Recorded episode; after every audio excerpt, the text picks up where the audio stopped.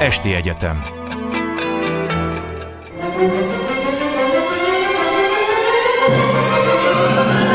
A világ urai Merre rángatják a világ szekerét a hatalmasok? Szénási Sándor műsora Jó estét kívánok! Ma esti vendégünk Nagy Sándor Gyula, egyetemi tanár Latin Amerika kutató, jó estét önnek is. Amiről beszélni fogunk, az három, de lehet, hogy több latin-amerikai ország, hát ahogy sikerül. Ugye először is itt van Peru.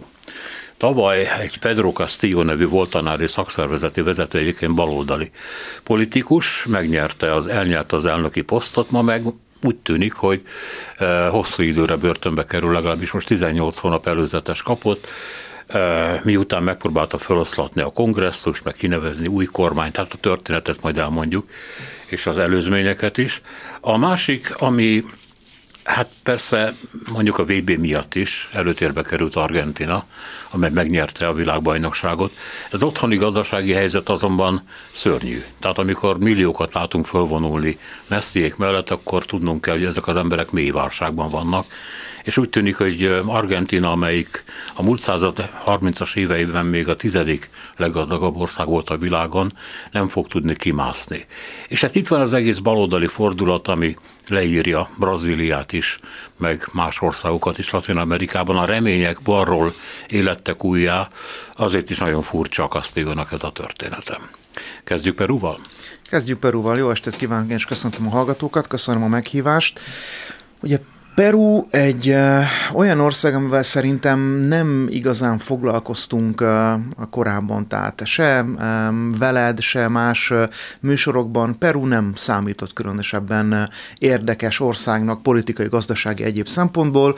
Úgy elketyeget, mindig volt egy kis gazdasági növekedés, nem volt különösebb balhé, nem voltak pucsok az elmúlt húsz évben, tehát ugye olyan, olyan kis olyan átlagosan belesimult a, a, az ő történetük. Ugye mindig csak, ha, ha híreket hallottunk, akkor mindig csak arról hallottunk, hogy egy-egy régebbi elnököt mondjuk korrupcióvágyával illettek, aztán később lecsuktak, tehát ugye valami miatt ugye az elnökökre rájárt a rúd, Ugye itt lehet azt is mondani, hogy hát nem túl jól választottak a perui állampolgárok, amikor elnököket választottak, és hát a helyzet az, hogyha visszanézünk az elmúlt 21 néhány évbe, akkor tény, hogy hát se a felhozatal a jelöltek körébe, se a megválasztott elnökök, azok hát a hozzáfűzött reményeket nem váltották be, viszont mindennek ellenére úgy az ország úgy, úgy nagyjából el volt, ami egy nagyon érdekes dolog, mert ugye máshol, ha megbukik egy kormány, ott azért válság, felvonulás, tüntetés. Itt azért csendesebb volt eh, Peru ilyen szempontból, persze itt is mindenhol voltak kisebb-nagyobb tüntetések, egy-egy felzódulás, ugye a Covid őket is eh, erősen érintette, tehát ugye az ott is a, a, a benszülött lakosság, az indián lakosságnak azért a, a genetikai, valószínűleg genetikai profilja miatt sokkal nagyobb volt a megbetegedések és a halálozások aránya, tehát erről azért a 2020-as eh, év első felében elég sokat sokat hallottunk, hogy azért elég keményen megtépázta őket is a Covid, mint hogy az Amazonasban élőket ugye a Brazílián belül, de ugye ilyen típusú, elég durva, vontatott politikai válságot, mint ami az els, elmúlt másfél évben Pedro castillo volt, azért ez, ez kitűnik a, a perui átlag sztoriból, és mégis eddig nem nagyon beszéltünk róla. Most persze, amikor kirúgnak, és azzal a lendülettel le is csuknak egy elnököt, ezért már rákerül a politikai műsorok térkép térképére az, hogy itt mégis mi történt Peruban egyáltalán, hogy lehet egy elnököt így pillanatok alatt eltávolítani, de ahhoz, hogy kicsit erről beszéljünk, hogy hogy került a, az elnöki székből aznap a Pricsre a, az elnök úr, ezért azt kéne megnézni, hogy hogy került ő az elnöki székbe először, mert az egy érdekes történet. 2021. július akkor esődött föl, eh, mint mondtam, volt tanár, szakszervezeti vezető. Az angol nyelvű Wikipédia szerint ő egy rural líder volt, tehát hogy a vidékről jött és a vidéki embereket képviselte ebből a szempontból, és hát akik most mellette tüntetnek, mert az összecsapások vannak, Eddig nem tudom, hogy amikor majd adásba kerül ez a beszélgetés, addigra hány halott lesz, most 20-at írnak, illetve 340 sebesültről van szó.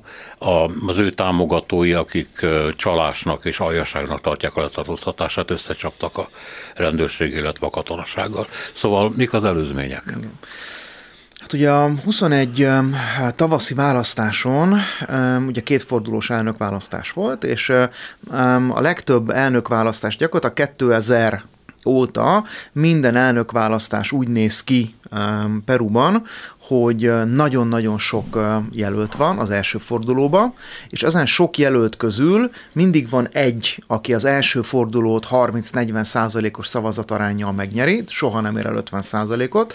Őt úgy hívják, hogy Keiko Fujimori, a korábbi perui diktátor Alberto Fujimori-nak a lánya, és mindig van egy rengeteg baloldali, liberális, jobbközép, mindenféle politikai beállítottságú jelölt, akik meg 8 és 10 százalék közötti hát szerepléssel közülük valaki egy picit kiemelkedik, csak 11-2 százaléka, mint ez a Pedro Castillo esetében is volt.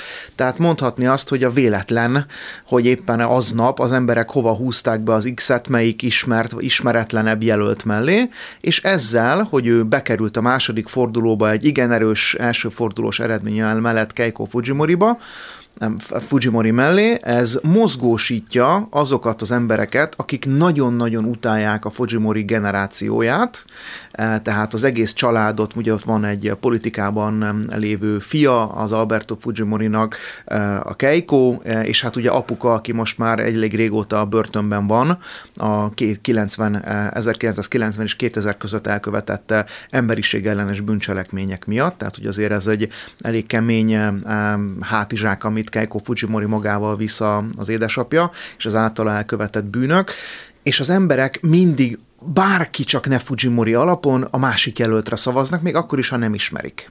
És akkor pont... az, hogy egy ilyen eh, baloldali fordulat, vagy baloldali hullám lökte föl Castillo-t, ez nem egészen igaz? Hát nem teljesen, mert ugye ő 12-3 százalékot ért el az első fordulóban, a második fordulóban pedig eh, ugye alapvetően az volt a kérdés, hogy melyik öklükbe harapjanak az emberek, uh-huh. akik egy eh, szélsőjobbos eh, diktátornak a lányát akarják elnöknek, vagy egy teljesen már akkor is alkalmatlannak tűnő kommunistát mert a kommunista párt jelölteként indult, ami persze három hónap után kizárta a sorai közül, miután elnöké eh, beiktatták, tehát elég rövid volt a kommunista pártba eltöltött eh, ideje.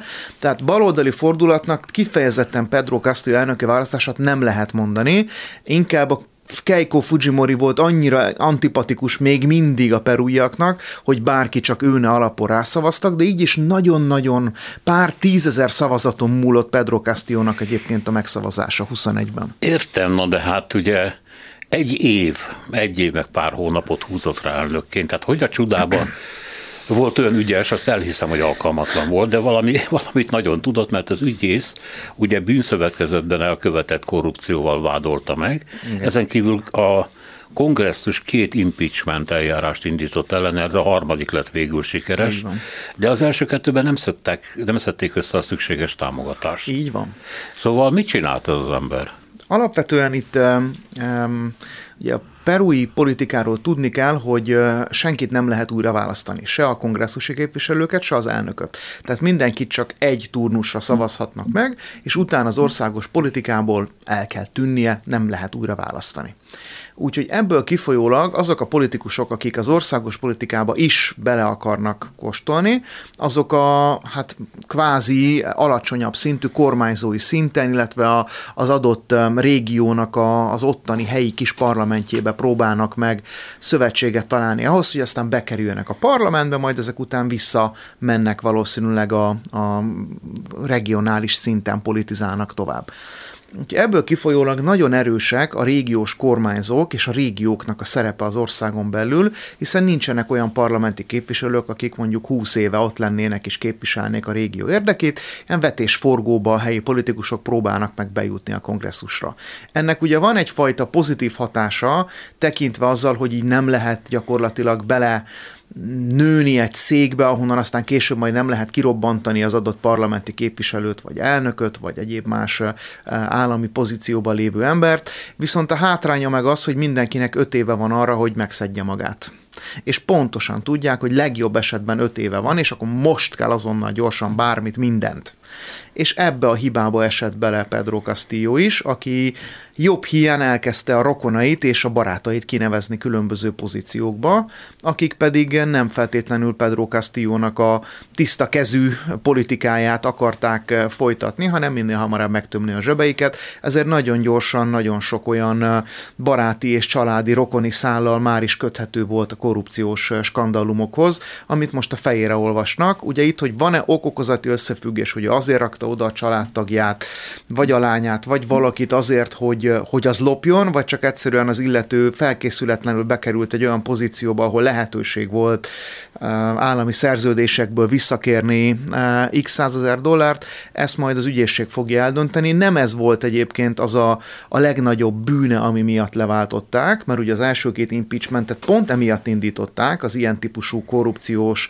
összeférhetetlenségi dolgok miatt, emiatt nem váltották le. Tehát, hogy ez azt jelzi, hogy azok a régiós kiskirályok, akik megvannak alacsonyabb szinten, azoknak ez pont jó volt, hogy van egy gyenge, semmire nem jó elnök, aki úgy elketyeg és nem akar, meg nem is nincs ideje beleszólni a régiós ügyekbe, és ők tudják a saját kis bizniszeiket folytatni.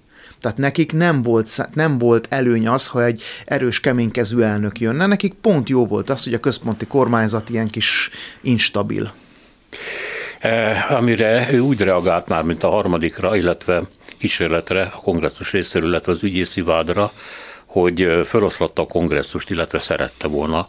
De a kongresszusra majd mondja el pár szót, mert eh, sokkal nagyobb hatalma van egyébként, mint amit megszoktunk más országokban, és vele szemben még eddig egyetlen politikus se tudott győzni, amennyire én tudom. Szóval feloszlatta a, kongresszust, átmeneti kormányt akart kinevezni, és egy új alkotmányt követelt. Ez gyakorlatilag pucsnak értékelték, és hát szerintem az is természetesen. Ezután kapott 18 hónap előzetest, azzal, hogy esetleg még meglép az országból, és hát annyi valóban megtörtént, hogy a családja a mexikai követségen kért menedékjogot kapott is, mire Peru rögtön kiutasította a mexikai nagykövetet, most itt tartunk ebben a pillanatban. Átvette a helyét Dina, a elnöke, uh-huh. ki rögtön közölte, hogy majd ő kitölti helyette ezt a ciklust, aztán valaki biztos figyelmeztette, mert mondta, hogy nem, akkor másfél év múlva mégiscsak lesznek választások. Igen, hát ez egy szép történet volt. Ugye a kongresszus alapvetően a, a, tehát a, a legtöbb latin-amerikai ország alkotmánya az nagyon hasonlít az amerikai alkotmányhoz. Tehát, hogy van egy elnök, akit külön közvetlenül választanak, és van egy kongresszus, és ezzel megpróbálnak egymás között egyfajta politikai egyensúlyban létezni, ami néha jól működik, néha nem működik jól. Ugye rengeteg párt van a, a kongresszusban, tehát itt is ilyen tízes nagyságrendű párt van, senkinek nincs többsége, tehát mindig alkalmi koalíciók kelljenek arra, hogy bármilyen törvényt elfogadjon az adott elnök. Ugye Brazíliában ugyanez van, ott 24 párt van a kongresszusban és 22 a szenátusban, tehát ugye ez nem egy speciális perui helyzet, hogy nagyon elaprózott a, a parlamenti térkép, és elég komoly hát lehetőségeik vannak, és ugye főleg úgy, hogy ugye egyetlen egy párt volt, aki támogatta Pedro Castillo a kommunista pártnak, annak körülbelül 5 vagy 6 képviselője van a, a kongresszusban, tehát hogy ilyen minimális, értelemszerűen nincs mögötte kongresszusi többség, tehát hogy össze kellett szednie minden egyes javaslatához a többséget, amit egyébként nem tudott összeszedni, mert jel, jel, tehát azt is jelezni kell, hogy uh, ugye a kormányt ő úgy tud alakítani, hogy kijelöl egy miniszterelnököt, kijelöli a kormánytagokat, és őket pedig a kongresszusnak meg kell szavaznia, hogy gyakorlatilag tényleg hatalmon tudjanak maradni. Amennyiben a kongresszus egyszer elutasítja őket, ugyanezt a kormányt Pedro Castillo még egyszer kinevezheti, és még egyszer kérheti a kongresszus jóváhagyását. Ha még egyszer elutasítja a kongresszus, akkor viszont a miniszterelnöktől a minisztereken keresztül mindenkit elmegy, és új kormányt kell alakítani más emberekkel, új emberekkel, új pozíciókkal. És gyakorlatilag az elmúlt 16-7 hónapban Pedro Castillo-nak azt hiszem négy ilyen kormánya volt, mert mindig kinevezte őket, a kongresszus elutasította, kinevezte őket, a kongresszus elutasította, és ez ment másfél éven keresztül. Hát sok kormányzásot nem folyhatott. Nem. Most gondoljunk bele abba, hogy minden harmadik hónapban minisztercsere van, és miniszterelnökcsere van. Tehát így nem lehet gyakorlatilag kormányozni, hogy mindig új ember van, aki pontosan tudja magáról, hogy van egy jó három hónapja, amíg valamit tud csinálni. Tehát összesen nem tudott ennyi politikus szinte összeszedni, tehát egy idő után már az előző bukott kormányból kért fel ugyanarra vagy másik posztra embereket a következő, majd valószínűleg bukandó kormányra, tehát hogy ez ilyen szürreális volt, amit ő csinált, és nem tudott egyszerűen megbékélni a kongresszussal. De a kongresszusban meg nem volt meg az alkotmányos többség, hogy kirúgják őt, az sima többség meg volt, de nem a kétharmad. És ezen ment a, a húzavon gyakorlatilag másfél éven keresztül, addig, amíg tényleg azt nem mondta, hogy a harmadik eh, ilyen felmentési impeachment eljárásnál ott már nagyon rezegett a ott már sejtette, hogy őt le fogják váltani, és hát eh, érdekes, tehát valaki megnézi a, a videót, ahol ő bejelenti a kongresszus feloszlatását, iszonyatosan remegő kézzel, remegő hanggal olvas fel egy előre megírt szöveget, ami hát jól látszik, hogy azt se érti, hogy mit mond, hanem valaki mondta neki, hogy ha a hatalmon akar maradni, akkor ez az utolsó lehetősége. Na most, ha valaki egy rendes pucsot akar szervezni, akkor az úgy indít, hogy a katonaság meg a rendőrség felső vezetőit leülteti, megfenyegeti, meggyőzi, megveszi bármit, hogy a, hogy a hadsereg, meg a katonaság, meg a rendőrség mögé álljon. Most ő arra nem vette a fáradtságot, hogy egyáltalán előzetesen megkérdezze ezeket, hogy ha egy ilyet bejelentenék, mit szólnátok hozzá, hanem a katonaság, meg a rendőrség is a tévéből tudta meg, hogy ezt csinálja, akik azonnal bejelentették, hogy ők a kongresszus mögött állnak, mert hogy a demokratikus intézménynek a legteteje mégiscsak a kongresszus, és nem fognak asszisztálni ahhoz, amit ő csinál, egy órán belül a legfelsőbb bíróság összeült és közölte, hogy amit csinál Pedro Castillo az alkotmányellenes, és megsértette a saját esküjét, amit az alkotmányra megtett. Két órán belül összeült a kongresszus, és már azonnal szinte ellenszavazat nélkül felismentette Pedro Castillo-t. Amire ide jutott, addigra ő már a kocsiban ült, a hátsó kapun keresztül eh, szedték ki őt az elnöki palotából, és már a mexikói nagykövetség irányába ment a kocsijával, de ugye amikor ez már elindult, addigra már a lakosság, a Pedro Castillo ellen tüntetők már odavonultak a mexikói nagykövetség körül, mert már akkor híre ment a Twitteren meg a Facebookon, hogy menekül az elnök, és a mexikói nagykövetségre akar menekülni, és ott politikai menedékjogot kérni, ezért az emberek körbevették a mexikói nagykövetséget, nehogy bejusson. De most a kocsia nem ért el a mexikói nagykövetségre, mert valaki a testőrségéből, többen azt mondják, hogy a, a legfőbb a testőrség rendőrség vezető, a legfőbb bizalmasa, leadta a drótot a rendőrségnek, hogy hol vannak, megállította a kocsit, a rendőrség odament, és letartóztatták, és elvitték. Szép történet. E, igen, nagyon szép történet. Ezzel gyakorlatilag most a e, perui politika, hát hogy mondjam, csak szíven döfte magát, és egy újabb, e, hogy mondjam, csak alkalmatlansági bizonyítványt állított ki magáról, mert hát ezzel a, ezzel a amikor a kongresszus meg az elnök, és hát az új elnök is abból a körből jön azért gyakorlatilag, mint Castillo, továbbra is blokkolni fogják egymást, annak két következménye szokott lenni. Az emberek örülnek, hogy a politika békén hagyja őket, a gazdaság meg nem annyira szokott örülni, hogy nem kap formákat, lehetőségeket, támogatásokat, IMF hitelt, és így tovább. Igen. Hát ugye itt az azonnali hatása ennek egyébként az volt, hogy van egy olyan regionális intézményrendszer, hogy a Csendes Óceáni Szövetség, ahol Chile, Kolumbia, Peru és Mexikó tag, Ecuador éppen most készül belépni, aminek most decemberben Limában, a Peru fővárosában lett volna egy, egy találkozója, egy csúcs elnöki találkozója, és azonnal lemondták a, a találkozót, tehát minden elnök azt mondta, hogy ő nem kíván Peruba elmenni, tehát ugye Csillében is baloldali elnök van, Kolumbiában is baloldali elnök van, és Mexikóban is baloldali elnök van, és ugye most egy ilyen, hát nem tudni, hogy milyen politikai beállítottságú, ő magáról balkozépet állít, de mivel még konkrét döntési pozícióban nem volt ez a Dina Boluarte nevezetű új hölgy, akit, aki, aki most az elnök. elnöke volt, igen. igen. Egyébként ő nem a kommunista párt színeiben érkezett, hanem egy másik szövetséges párt színeiben, tehát érdekes módon neki nagyobb az elfogadottsága, meg ő egy jogász, tehát egy valamivel jobban benne volt ebben a politikai körben, hogyan kell koalíciót alkotni, hogyan kell politikusként viselkedni, jobban értette ezt, a, ezt az egész menetet a, a hölgy, és ezért alapvetően ugye azt is megtehették volna, hogy az alelnököt is lemondatják, és mondjuk a kongresszus elnökét nevezik ki elnöknek, de valahogy mégis az alelnök alelnökre rá tudták ezt a feladatot bízni, viszont érdekes, hogy az alelnök, ahogy mondta is a bevezetőjében, először bejelentette a, a besz, az legelső beszélben, hogy ki kívánja tölteni a, az elnöki posztot, amire már hmm. utcára vonult a, a Pedro Castillo-nak a támogatói is. A, egyébként jellemző módon ők a kisebb városok vagy vidéki nagyvárosoknak a, a lakói, a Lima és más igazi nagyvárosokban nem igaz. Voltak tüntetések, de ők inkább a külvárosból mentek be a belvárosba tüntetni, tehát nem a, a középpolgári réteg az, aki Pedro Castillo-t szereti, hanem a,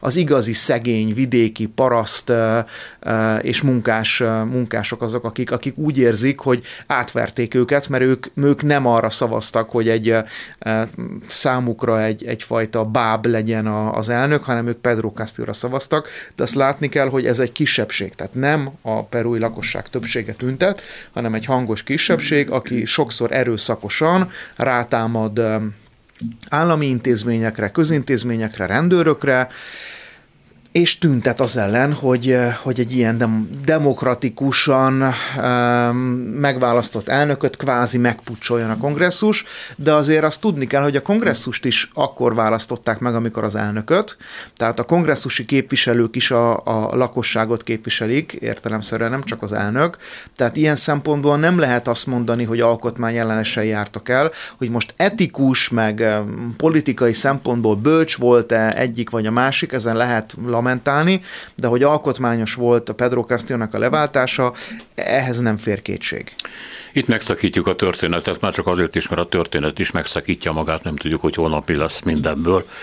Itt van a másik, Argentina mert ugye Latin Amerikáról, Latin Amerikának a, a sorsáról, meg az úgynevezett baloldali hullámról beszélünk.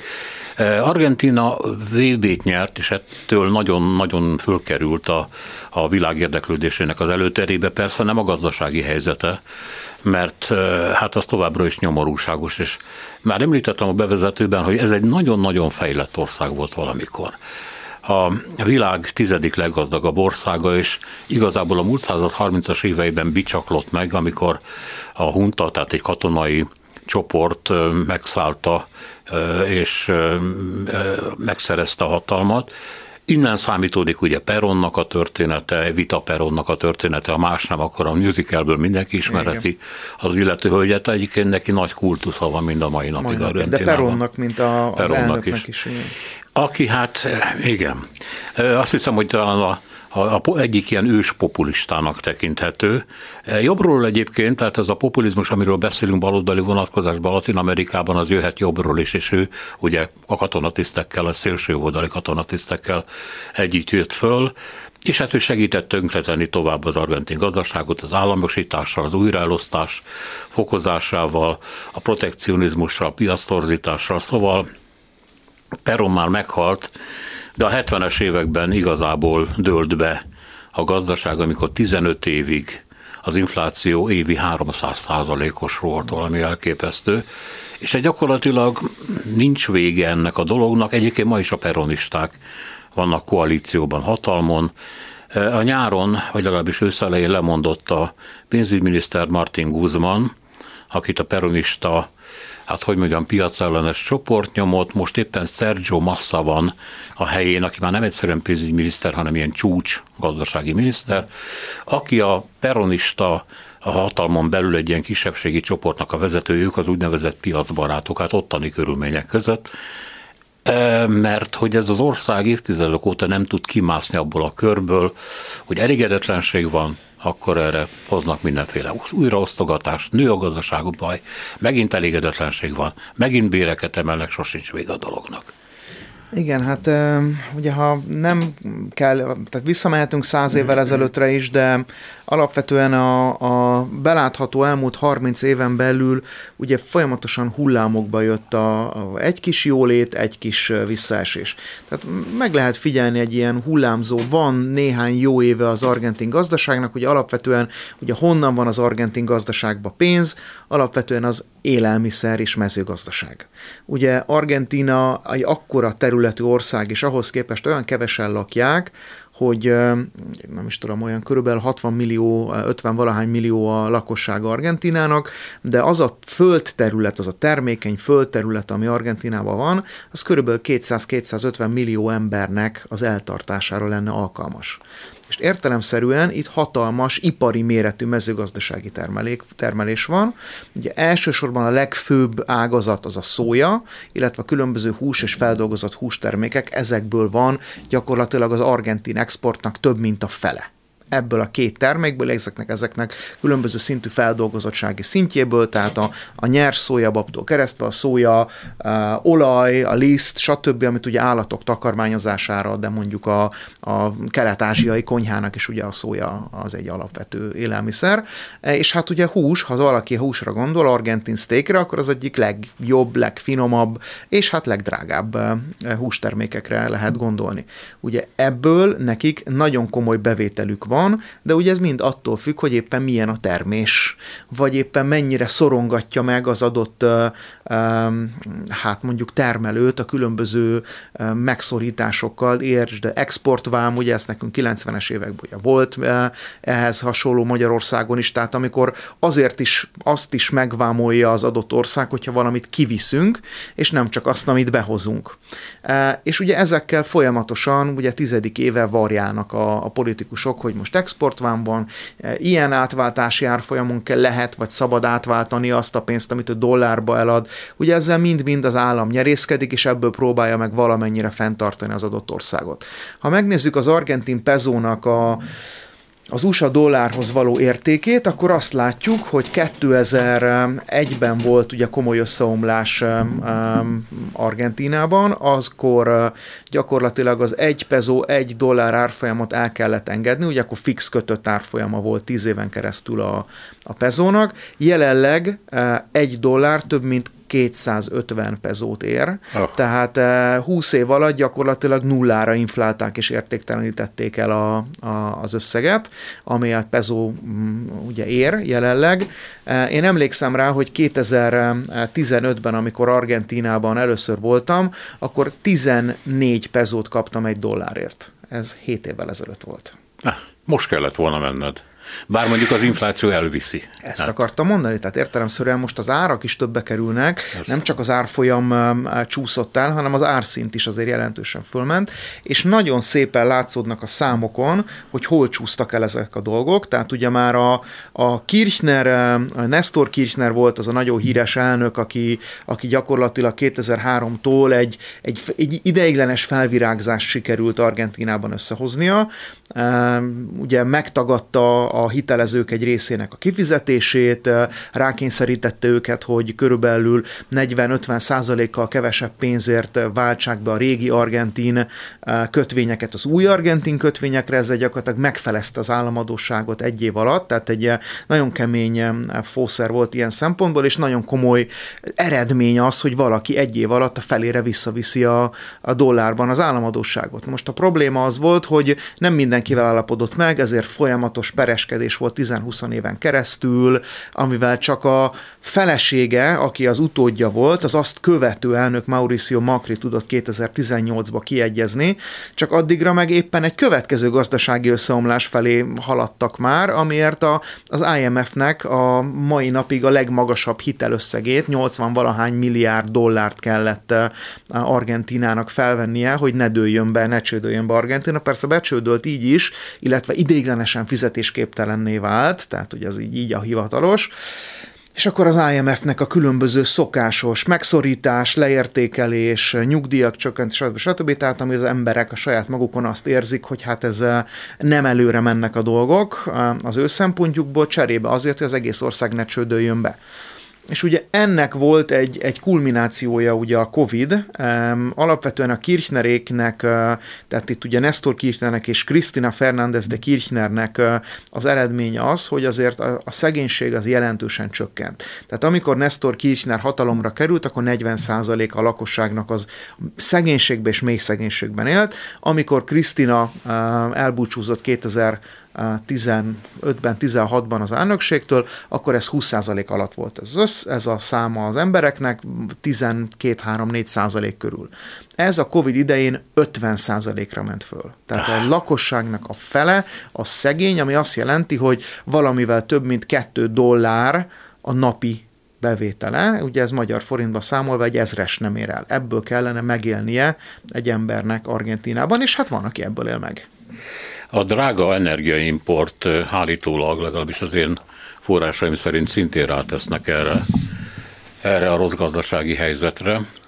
Hát Ugye nem igazán az energiaimport, tehát magával az energiahordozókkal van a gond, hanem ugye az abból uh, készítendő műtrágyából. Tehát ugye abból arról beszéltünk, hogy hihetetlen mezőgazdaság van. Tehoz földgáz kell, igen. Hát nekik van valamennyi földgázuk, de a földgázt földgázként adják el nincs iparuk arra, hogy műtrágyát állítsanak elő, ezért ezt a műtrágyát ők Oroszországból meg Ukrajnából hozzák, aminek az ára a gázárával együtt a négyszeresére meg ötszörösére ment fel. És ugye így már azért nagyon oda kell figyelni, hogy mit, hogyan, milyen áron adok el, és már nincs meg az a hihetetlen nyereség, ami mondjuk egy elő, szója vagy egy szarvasmarha húsának az előállításán van, hogyha a műtrágya és ebből kifolyólag a gabona az olyan szinten megnövekszik az ára. És ez ami, ez, ami gyakorlatilag, és ez az élelmiszerár növekedés az, ami különösen érződik Argentinában és Brazíliában, meg az egész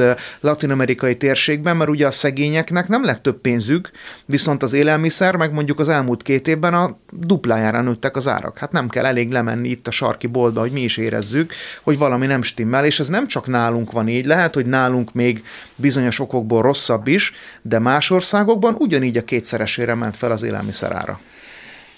Az a forrás, amit én olvastam, az argentin politikáról, a peronista politikáról, hogy éppen ez most mit ír le, és azt mondják, hogy a magyar helyzethez hasonlóan egy ilyen nemzeti, meg szocialista elemeknek a kutyulásából áll össze, hiszen a Peron populizmus éppen ezt eh, találta fel, hogy hogy lehet a népet kielégíteni, hogy ne nagyon lázongjon, aztán előbb-utóbb addig megy ez a folyamat, amíg nincs miből már kielégíteni, és akkor, hogy mondod, 50 százalék, pláne ha beütnek ezek a külső hatások, a szegénység könnyen eléri ezt a szintet. De ez a Sergio Massa, aki Guzman után jött, ez azt mondja, hogy de hát emberek, hát Argentina tele van csodálatos bányászati kincsekkel. Ezeket ki kéne ak- aknázni, ipart kéne telepíteni, vissza kéne hozni a befektetők bizalmát, segíteni a termelőknek, a mezőgazdaságnak, szóval, hogy egy nagy reformot kéne végrehajtani, de ő szintén kisebbségi helyzetben van a peronista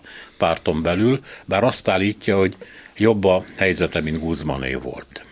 Hát ugye Sergio Massa gyakorlatilag egy feketeöves politikus, aki 20 éve ott van a politikában. Neki ugye fontos, hogy saját pártja van, tehát a peronizmus som belül több párt van és neki van egy saját pártja, és ennek van egy parlamenti, uh, szenátusi uh, frakciója, tehát hogy az ő mögött van egy olyan politikai támogatás, ami nélkül az egyébként, ugye korábban említettük ezt a, a Krisztina Fernández de Kirchner nevezetű korábbi elnököt, ő a mostani Alberto Fernández elnöknek az alelnöke. Tehát, hogy ő még mindig ott van a hatalomban, és nagyon komoly sztorik vannak erre, egy picit majd azért térjünk ki az ő személyével kapcsolatban. Tehát Sergio Massának van politikai súlya, tehát annak, amit ő mond, mert ha ő kilép a koalícióból, akkor bukik a kormány, Ráadásul azt tegyük hozzá, hogy nem sokára választások lesznek azért Argentinában is 23-ban, és hát nem úgy tűnik, hogy Alberto Fernándezt újra szeretnék választani, és a Cristina Fernández, aki egyébként csak névrokonok, nem tényleges rokonok, Krisztina Fernández de Kirchnernek a, a, hát a népszerűsége a legutolsó egy-két bírósági döntés kapcsán szintén nem teszi lehetővé, hogy ő újrainduljon. Tehát, hogy itt a, a baloldalon, nevezzük baloldalnak, a, ahova Sergio Massa is tartozik, ő valószínűleg elnökjelöltként fog, még nem jelentette be, de volt már korábban elnökjelölt, 12 évvel ezelőtt, meg 8 évvel ezelőtt is elindult, 4 évvel ezelőtt nem indult el, de most miért ne indulhatna el újra egy ilyen programmal, amit most gyakorlatilag felolvastál? És nincs kizárva, hogy az emberek azt fogják mondani, hogy elég volt ebből a populista szélsőbalos sztoriból, viszont az se volt túl jó, amit Mauricio Macri csinált a jobboldali konzervatív oldalon, hogy keressünk valami olyan közép mezőnyhöz tartozó, de mégis azért szociálisan érzékenyebb, de piacbarát szemét, mint amilyen a Sergio Massa, hogy nem tartom kizártnak, hogy ő egy kiváló jelölt lesz erre. Ez persze majd július-augusztus folyamán ki fog derülni, hogy egyáltalán bedobja-e a, a nevét a, a kalapba, hogy, hogy lehessen rá szavazni. Tehát ez még egy nagy sztori, viszont itt a Krisztina Fernándeznek, Hirtnernek az ügyére térjünk vissza, tehát ugye ellene 10x éve folyik eljárás um, méghozzá hatalommal való visszaélés és korrupció miatt. Alapvetően egy 1 milliárd dolláros um, ilyen um, közszolgáltatás, közmunka szerződés kapcsán állítólag több 10 millió uh, dollárt kapott vissza a férje meg ő. Ugye a férje már régóta meghalt, tehát most már csak őt tudják felelősségre vonni. E, ő persze minden tagad, de érdekes módon egy három bíróból álló tanács, tehát nem is csak egy bíró, hanem három ilyen különleges bírósági eljárást indítottak ellene, e, bűnösnek találta, hat év letöltendő börtönbüntetésre ítélte, és életfogytig való eltiltása közügyektől. Ez az ítélet ellene. Vagyis ez egy örökre kizárja őt a politikai életből, hát ugye aránylag idős már, tehát ő 69 éves azt hiszem, 70 év fölött bárkinek a börtönbüntetése kérhető házi őrizetbe történő átformálásra, tehát hogy valószínűleg effektíve börtönbe soha nem kell vonulnia, de azért az egy elég kemény sztori lenne, hogy egy argentin elnök ellen jogerőre emelkedjen egy ilyen döntés. Ugye most ő fellebbez, tehát még van egy fellebbezési fóruma, aminek még most nekifutnak, de nem tartom kizártnak, hogy Krisztina Fernández de Kirchner soha többet nem fog tudni egy választás választáson elindulni?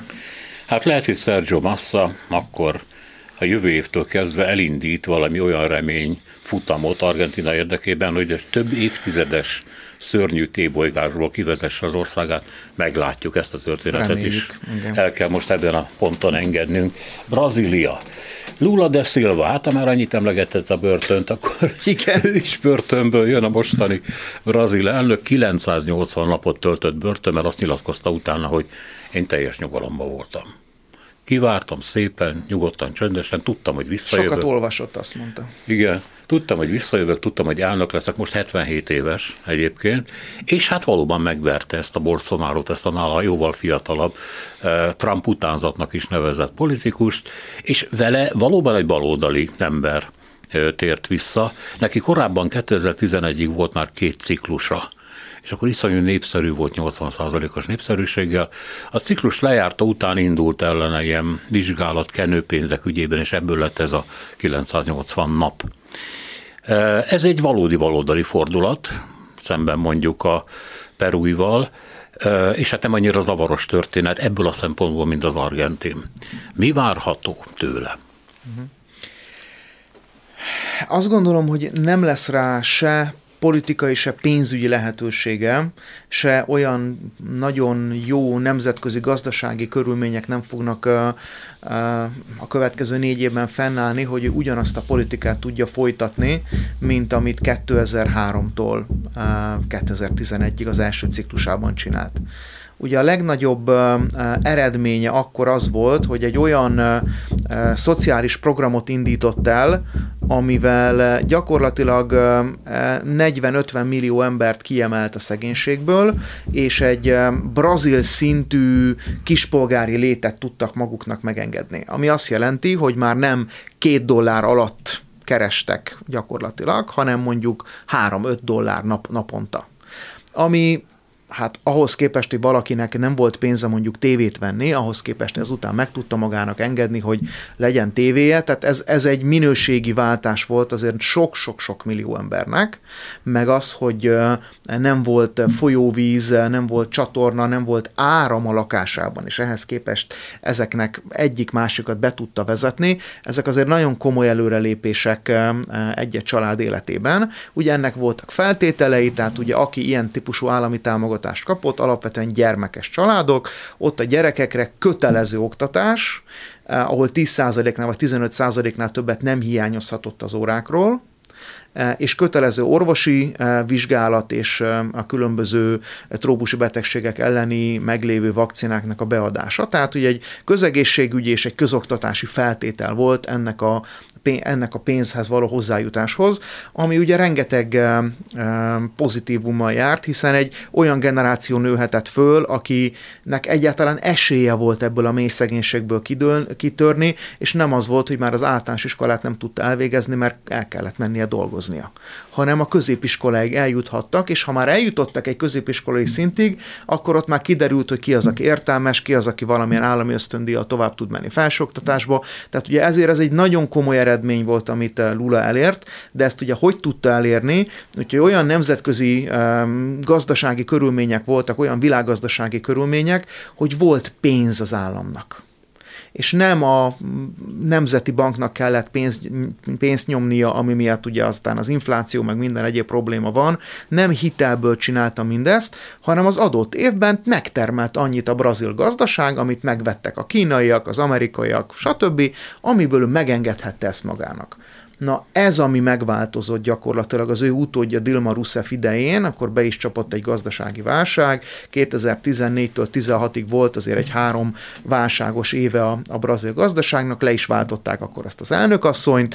Ugye ott is volt egy ilyen impeachment eljárás, jött helyette egy ilyen centristának nevezett úriember, aki inkább korrupt volt, mint centrista, neki lejárt a mandátuma, és akkor jött Bolsonaro egy jobboldali fordulattal négy évvel ezelőtt hogy az elmúlt négy évet már veled is ebben a műsorban többször kielemeztük, nem kell erre most különösebb időt szerintem szánni, inkább az az érdekes, hogy az embereknek egy, hát egy jelentős része, nem egy túlnyomó többsége, hanem pont 51 százaléka kiábrándult a Bolsonaro féle politikából, és azt mondta, hogy akkor inkább inkább menjünk vissza ebbe a régi nosztalgiával átitatott régi 20 évvel ezelőtt milyen jó volt, majd most Lula majd ugyanezt vissza fogja hozni.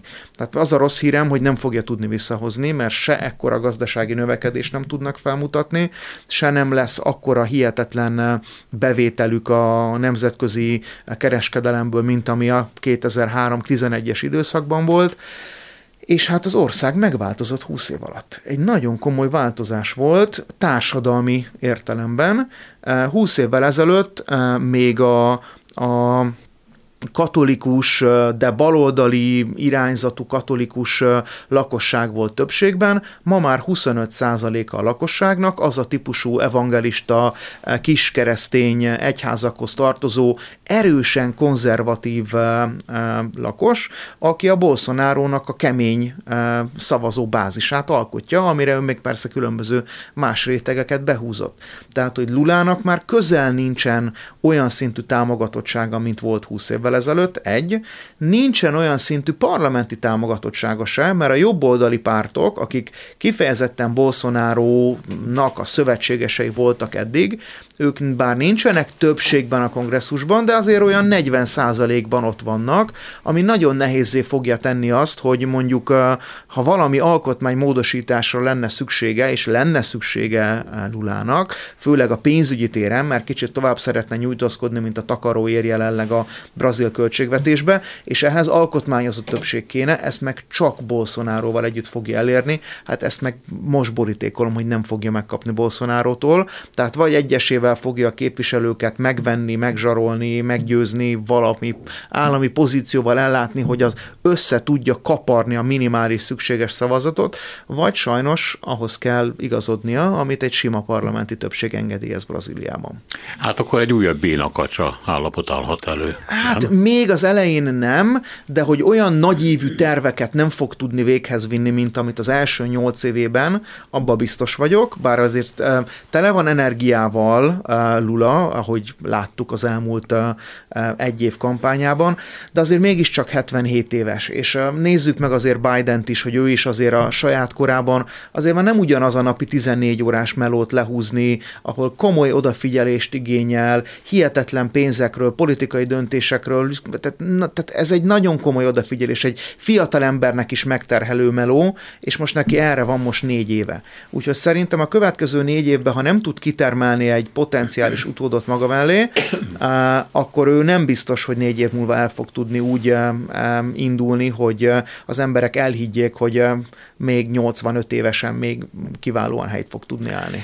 Említetted, hogy túl akar nyúlni a takarón, és az jutott eszembe, hogy hogy miért csak az számít baloldali politikának. Persze értem, hogy a szegénység borzalmas, és hát a baloldali politikus úgy tud följutni, hogy a szegény emberek, akik rem, reménykednek, de miben reménykednek? Hát segélyekben remélkednek, támogatásokban, szociális juttatásokban, béremelésben, szóval csupa olyasmivel, aminek kéne, hogy legyen fedezete.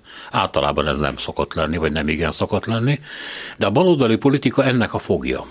Baloldali politikus az, aki osztogat. Ugye ez a kép alakul ki. És érdekes módon igazából más hmm, gazdasági vagy politikai vízió nem igen rajzolódik ki. Vízió az a középutas politikusoknál van, mint ugye Massánál például, Argentinában, akik azért ezt egy nagyon kemény piacbarát, tehát kicsit ilyen jobboldali elemekkel ötvözik, de baloldalról nem érkezik semmi, és mégis azt látjuk, hogy van egy baloldali áramlat valamiképpen, nem annyi, mint amit mondanak, de mégiscsak van Latin Amerikában, csak hogy megszámlálhatók a napjai ennek a fordulatnak. Hát ha nem fognak tudni valami pénzt teremteni, akár ugye azzal, hogy pénzt nyomtatnak, és ezzel az inflációt elengedik, vagy azzal, hogy tényleg olyan nemzetközi gazdasági körülmények állnak fönt, amiből mondjuk a nyersanyagárak megint annyira meglódulnak, mint korábban, és ebből tudnak pénzt behozni, vagy tényleg nem indul el valami csoda módon, találnak hirtelen egy hatalmas lítium lelőhelyet, mint mondjuk Argentinában, és azt elkezdik megint kitermelni, de itt arról beszélünk, hogy egész Latin Amerikában miből van pénz? Mezőgazdaságból, olajból és bányászatból.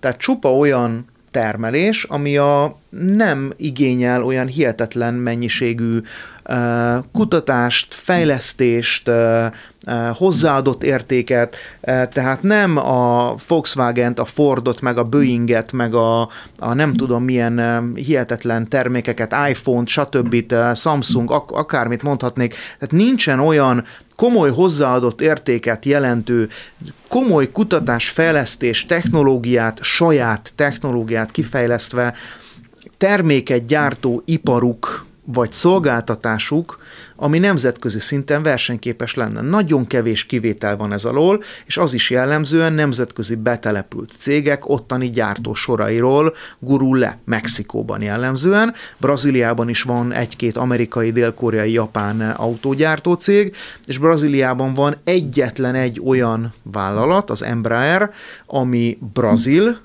saját technológia és repülőgépeket gyárt katonai, ugye Magyarország is vesz ilyen szállító eh, repülőket, mert nagyon jó minőségű és jó áronban, van benne nagy személyszállítógépek és kicsi, eh, kisméretű személyszállítógépek. Ez az egyetlen egy olyan ipara van Brazíliának, ami, ami világcsúcs, és mindez az exportjának a 10%-a.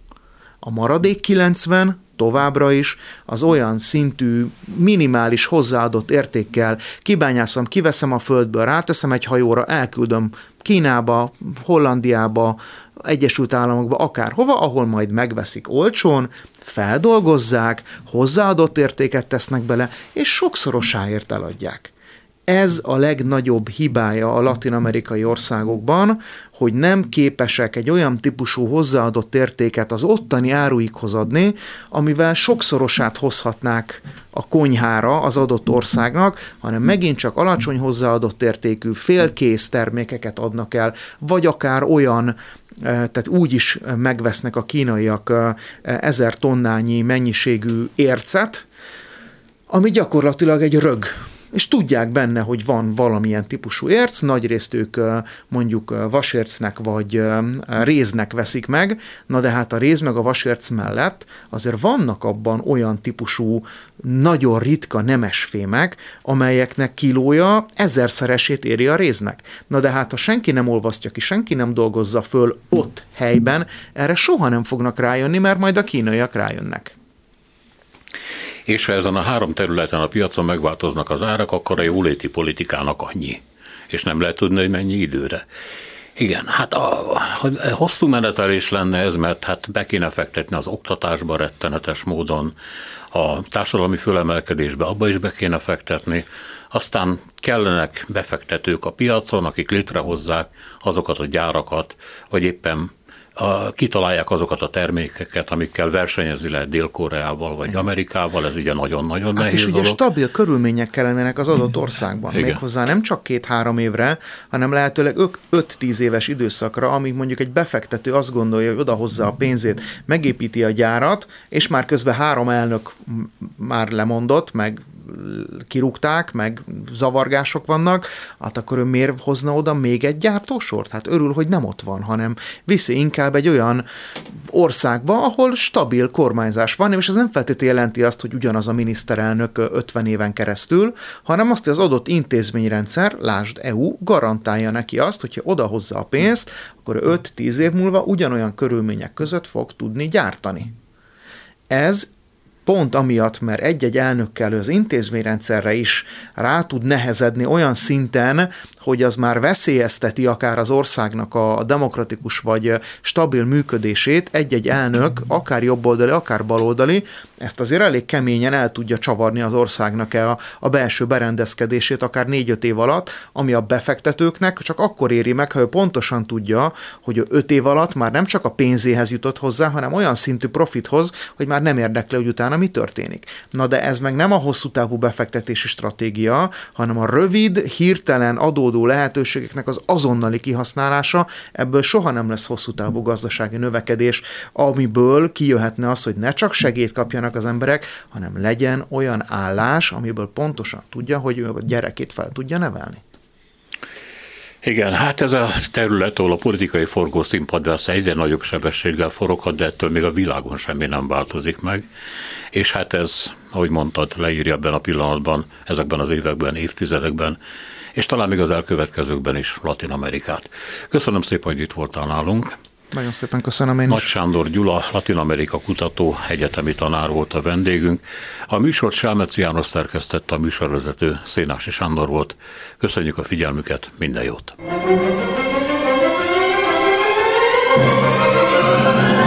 A Világ Urai című műsorunkat és Szénási Sándor műsorvezetőt hallották.